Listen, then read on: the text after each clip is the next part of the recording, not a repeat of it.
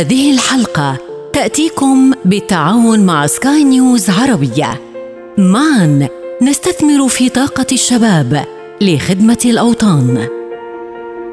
أنا خطيبي أو اللي هو هلأ زوجي طلب بيدي للزواج على الهواء مباشرة قبل أربع سنوات وأنا على الإذاعة على التلفزيون بحكم آه، يعني محيطي فهذا الإشي كان كتير عيب أو مش عيب عند خلينا نقول عند البعض إنه استهجن هذا الموضوع تصور يعني هذه الوضعية لديك ما زلت حديث يعني حديث التخرج ولا أملك الخبرة الكافية ثم أجد نفسي مسؤولا عن رعاية تسعين مريضا. فرد وقت شنو الحدث أو الشيء أو التجربة الصعبة؟ ممكن تكوني مريتي بيها وخلتك تدركين وتحسين بأهمية الصحة النفسية وبأهمية أنك تتعاملين بطريقة جيدة مع هذه التجربة. أكثر تجربة يعني فعلا آه، كانت الفارق بالنسبة لي وأثرت علي بشكل جامد. كانت آه، وفاة شخص قريب علي جدا اللي هو والدي.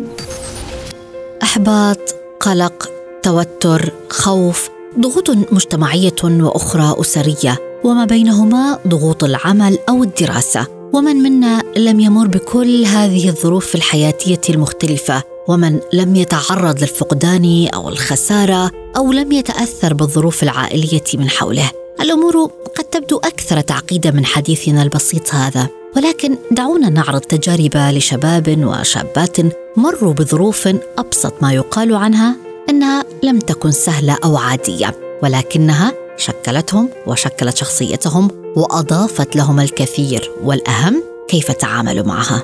معكم طيبة حميدة. قصتي.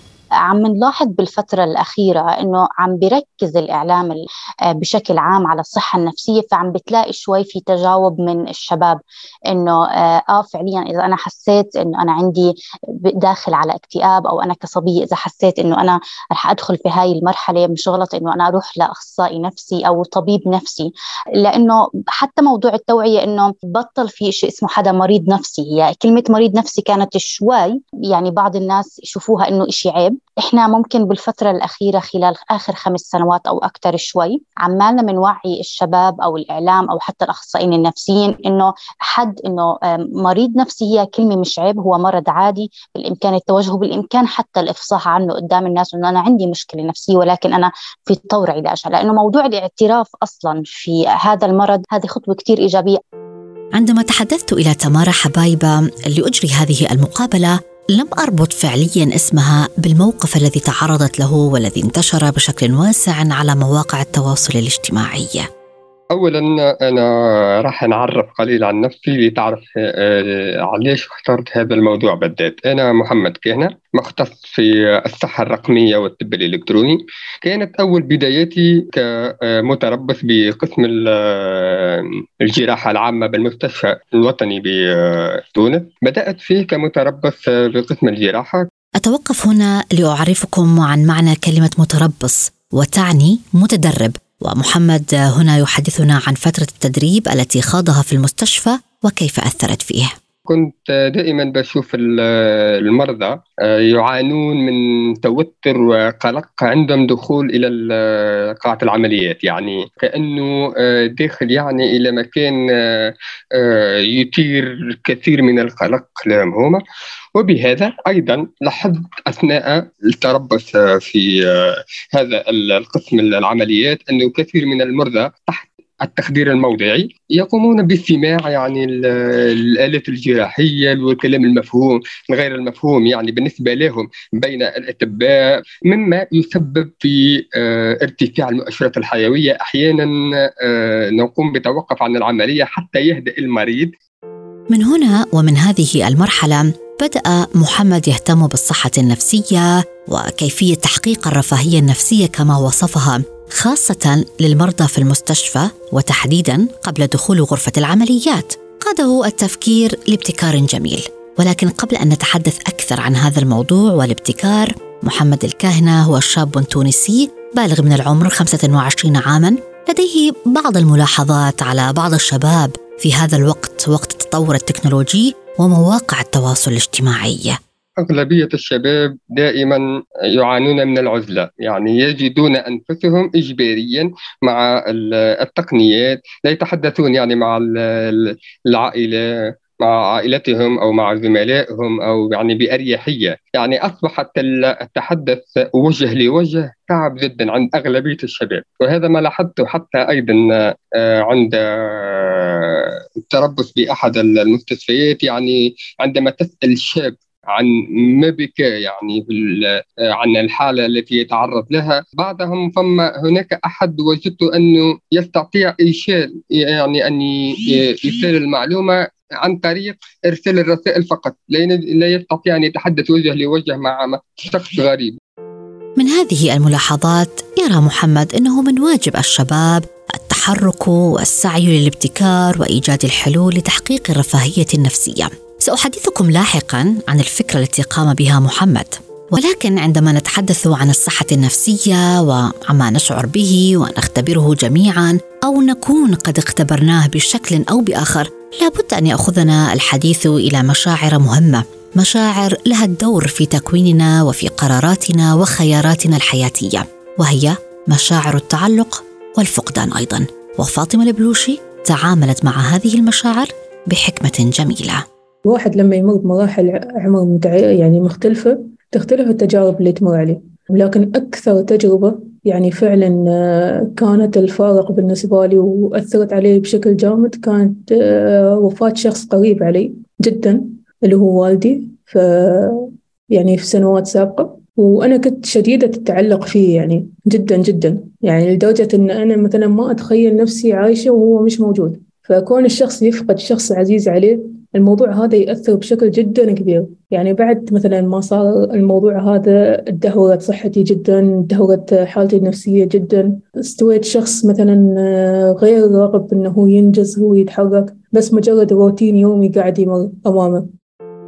الحزن هذا الشعور الذي قد يعطل حياتنا ويؤثر علينا وعلى صحتنا البدنية وقد يقيدنا ويحاصرنا. هو جزء من مشاعر أخرى أوسع. كالقلق والغضب والتوتر الألم والخوف الفشل والانفصال العاطفي أو الإحباطات المتتالية أو صدمات من وقت الطفولة والقائمة تطول. منذ زمن ليس بالبعيد لم يكن هناك اهتمام كاف ووعي واسع بهذه الأمور أو بفكرة الصحة النفسية وكيفية إدارة مشاعرنا وفهمها لنفهم أنفسنا بشكل أفضل. ولكن اليوم نستطيع أن نرى وأن نلمس هذا الوعي لدى شبابنا وشاباتنا. وعي تشكل نتيجة عدة عوامل تفاعلت وتناغمت سويا. تمارا يسعد صباحك. صباح الفل. طبعا بحكي معك محمد لحلوح أو المهندس محمد لحلوح. طبعا أنا بدي أحكي نقطة كثير مهمة. أنت في يوم من الأيام كتبتي عني وكتبتي إني أو لقبتيني بلقب اسمه مهندس الفرح. تمام؟ فهذا اللقب صار الناس يذكروني فيه في كل مكان. طبعا أنا آه، بدي أوضح شغلة كثير مهمة إنه آه، بدي أقول لك إنه إذا تسمحي لي إني أهندس فرحي وعرسي معك أنا بحبك وبحترمك وبقدرك ورافع راسي فيكي قدام كل الناس. أنا آه بدي إياكي على سنة الله ورسوله. وبدي أشهد كل اللي سامعينا وأشهد ربي إنه أنا بحبك وبدي اياكي على سنة الله ورسوله أنا خطيبي أو اللي هو هلأ زوجي طلب بيدي للزواج على الهواء مباشرة قبل أربع سنوات وأنا على الإذاعة على التلفزيون. طبعا بحكم بيئتنا بفلسطين أو بحكم آه، يعني محيطي فهذا الإشي كان كتير عيب أو مش عيب. عند خلينا نقول عند البعض. إنه استهجن هذا الموضوع إنه كيف هذا الشاب بتقدم لهاي البنت على الهوى وبطلب إيدها ويعني غير محترم للعادات والتقاليد رغم إنه طبعا أكيد بي يعني خلينا نقول بتنسيق مع أهلي. تمام؟ هلا صراحة هذا الفيديو انتشر كثير على مواقع التواصل الاجتماعي بشكل كثير كبير. للأسف أنا كنت أدخل أقرأ التعليقات بحب أشوف كأي حد يعني أكيد هذا الفيديو إلي فأنا بدي أشوف التعليقات. يعني في تعليقات كانت كثير عظيمة إنه عن الحب وإلى آخره وقديش هذا الشيء جميل. بس في المقابل أكيد في عينة من الناس اللي هي يعني أنا أحترمها لأنه في النهاية الاختلاف كثير وارد. كانت أكيد يعني الموضوع اللي هو المسبات إنه وين أهلها كيف بطلبها على الهواء بدون ما يرجع لأهلها وكل هاي الأمور لأنهم ما بيعرفوا بالحيثيات. هذا الإشي للحظة أثر علي نفسيا إنه يا ريت ما عمل هيك. للحظة خلينا نقول في بعض الأحيان يجيني هذا الشعور إنه يا ريت لو إنه خطيبي ما طلبني بهاي الطريقة. أكيد أثر كمان على نفسيتي لأنه أهلي كمان تأثروا في تعليقات الناس. لين أخذت خطوة فعلا يعني صارمة وجدية أن الموضوع هذا لازم ينتهي خلاص مجرد تقبل ولازم ينتهي الموضوع. طبعا ما أخفيك يعني الكثير كان لهم الدور يعني في التعافي في موضوع التعافي من من التجربة هاي. مثلا أهلي في البيت زملائي على مستوى العمل حتى يعني مسؤوليني في العمل. كان لهم دور كبير إن أنا أطلع من القوقعة هذه. لكن جاء الوقت اللي فعلا خذت فاطمة فيه قرار حازم إنه خلاص ما في رجعة لأي ذكرى سيئة من هذا الموضوع. وحتى لو مر أي موضوع مشابه يعني بس يعني ياخذ وقته مثلا في الشعور وبعدين خلاص يرحل مرة ثانية. على الرغم من كل الوعي الذي نتحدث عنه والتطور الذي نعيشه ومع الانفتاح على الآخر وعلى العالم أستطيع أن ألمس لدى بعض الأشخاص في حياتنا وعلى الرغم من ثقافتهم بالتأكيد ومستواهم العلمي لكنهم وإلى الآن يتحفظون على فكرة زيارة المعالج النفسي أو الدكتور النفسي المختص. البعض يخاف من أن يتم وصمه بالمريض النفسي أو هناك من يقول إنه يخاف من مواجهة مشاعره وان يكتشف الكثير عن نفسه أو لا يستطيع تقبل فكرة الكشف عن أفكاره وأسراره لمختص غريب عنه. ولكن بكل الأحوال يكفي هذا الإدراك لدى شبابنا وكيف اختار كل واحد منهم طريقته المرضية والجيدة للتعامل مع ما يمر به وما يختبره من مشاعر تعد بأبسط وصف طبيعية جدا. أنا بالنسبة لي أكيد مريت بفترة كتير بسيطة وكتير يعني خلينا نقول ما كانت بحاجة لطبيب نفسي كانت بحاجة لأخصائية نفسية أو اجتماعية لنفس هذا الموضوع لنفس هذا السبب اللي قبل شوي كنت عم بحكي فيه هو موضوع خطبتي على الهواء. بس أنه أنا استمرت خطبتي لفترة طويلة تقريبا أربع سنوات بحكم كان فترة كورونا فما قدرنا نتزوج يعني خلال السنتين ما قدرنا وأنا خطيبي بالأصل أو زوجي هو wedding planner فبالتالي هو بحاجة إنه يعمل عرس بشكل كتير. واو. فما قدرنا نعمل عرسنا آه، خلينا نقول على الدية فاضطرينا إنه إحنا نأجل عرسنا سنة وسنتين وثلاث لحتى إنه نقدر نعمله بالطريقة اللي إحنا بدنا إياها. هذا الشيء أثر علينا من ناحية تعليقات الناس حتى أهلي.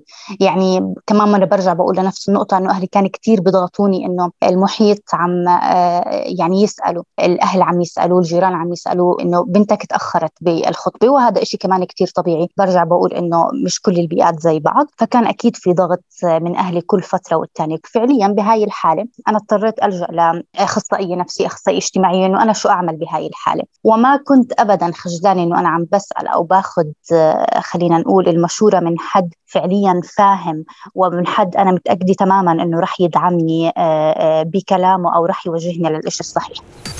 قصتي. بالنسبة للجوء لأخصائي نفسي بحد ذاته ما صار هذا الموضوع لكن كان في لجوء لأشخاص يعني مسؤولين وكانوا أكبر مني وأكثر حكمة مني أنا. فكانت لهم يعني رسائل جدا مهمة لفاطمة. وجود الأشخاص اللي مثل هذيل مثل أشخاص لهم دراية أكثر مني وحتى الأخصائيين النفسيين اللجوء لهم أبدا مش عيب. وبالعكس الشخص لما يوصل مرحلة ويحس إن نفسه إنه هو محتاج شخص يدعمه وشخص يعطيه كلمة هو ما هو قادر يسمعها هذا الشيء بالعكس أنا أيده وأشجعه. لأن الشخص لما يمر في شعور سلبي يوصل لمرحلة يعني الشعور السلبي يمر بعدة مراحل لكن في مرحلة من الشعور لما يوصل لها الشخص خلاص ما يسمع أي شيء حواليه إلا الصوت الداخلي اللي يقول له إنه مثلا انعزل ولا تتحرك. فوجود مثل هالأشخاص مثل الأخصائيين النفسيين أو الدكاترة النفسيين أو أشخاص الأكبر منا واللي هم أكثر حكمة منا نحن وايد وايد مهم ويدعم صحة ونفسية الشباب. تخيلوا معي المشهد التالي أن تكون مثلا طالبا أو طالبة حديثي التخرج من كلية الطب تحديدا وتذهبون للتدريب في إحدى المستشفيات. ولكن في فترة نوعا ما لا تحسدون عليها وهي فترة فيروس كورونا. هذه الفترة التي أربكت الكثيرين في بدايتها. وعند وصولكم إلى المستشفى تدخلون غرفة من 90 مريضا مصابا بفيروس. المعلومات عنه قليلة حتى لحظة دخولكم لهذه الغرفة. مع تذكر 90 اسم و90 آه، مؤشر حيوي كل دقيقة كانت بيانات ضخمة يعني لتذكرها في نفس الوقت مع قلة يعني الخبرة. أخبأ كل تلك المشاعر والأحاسيس ولا يمكن يعني أن أعبر عنها يعني أمام المريض أو أمام أولياء هذه المرضى حتى لا يشعرون هم بحد ذاتهم بالخوف. يعني أنت وصلت أني أخفي خوفي وتوتري حتى لا يصيب الآخرين يعني حتى زملائي بالتوتر كانت مرحلة صعبة. المرحلة الصعبة ألهمت محمد بفكرة مفيدة وابتكار جميل. قمت بعدة أبحاث قمت أيضا بابتكار يعني ابلكيشن تطبيق بالعلاج بالموسيقى كي آخذ المريض خارج يعني النفسية متاعه بس تحسن عن طريق العلاج بالموسيقى وأخذه خارج الإطار الذي وجد فيه يعني في قاعة العمليات وبهذا قمت بهذه التطبيق تقوم بقياس ضغط الدم تقوم بقياس أيضا بقية المؤشرات الحيوية تقوم بقياس الستريس والتوتر والقلق. أيضا تقوم حتى بقياس نسبة الألم أو البين. ثم تقوم بإعطاء العلاج بالموسيقى طيلة هذه العملية. أحب أن أنهي هذه الحلقة ببعض الرسائل من ضيوفي. رسائل أحببتها وأحببت أن أشاركها معكم أيضا. اولا وأخيرا امنوا بحالكم. طوروا من صحتكم النفسية بشكل أساسي من خلال أول شيء القراءة. أنا بقول اقرأوا اسمعوا. وبعدين مش غلط إنكم أنتم تتوجهوا لأخصائيين لو شعرتوا في بعض الأحيان لو شعرتوا إن أنتم فعليا على بداية أو على في حالة نفسية مش صح. وجدت نفسي يجب أن تتحمل المسؤولية رغما عنك. لكن يجب عليك حسب تجربتي أن تقوم بوضع كما يقال نسخة التي تريدها عن نفسك. ثم اجعلها تلك النسخة الأفضل منك كما تخيلتها قدوة لك. وكهدف يجب أن تصل إليه مهما كانت الظروف. كما يقال يعني هناك مقولة أنا أعشقها من رحم المعاناة يولد العظماء. أيا كانت الظروف اللي يمر فيها أي شخص ضروري جدا أنه هو يتمتع بشعور إيجابي. جدا. الشعور السلبي اللي يمر فيه هو شيء جدا طبيعي ممكن أي شخص يمر فيه لكن اللي يفرق اللي هو تعامل الشخص مع الشعور هذا. قصتي للمزيد تابعوا حلقات قصتي بودكاست الشباب العربي على كافة منصات البودكاست المختلفة. كنت معكم في الإعداد والتقديم طيبة حميد وفي الإخراج زاهر رشماوي.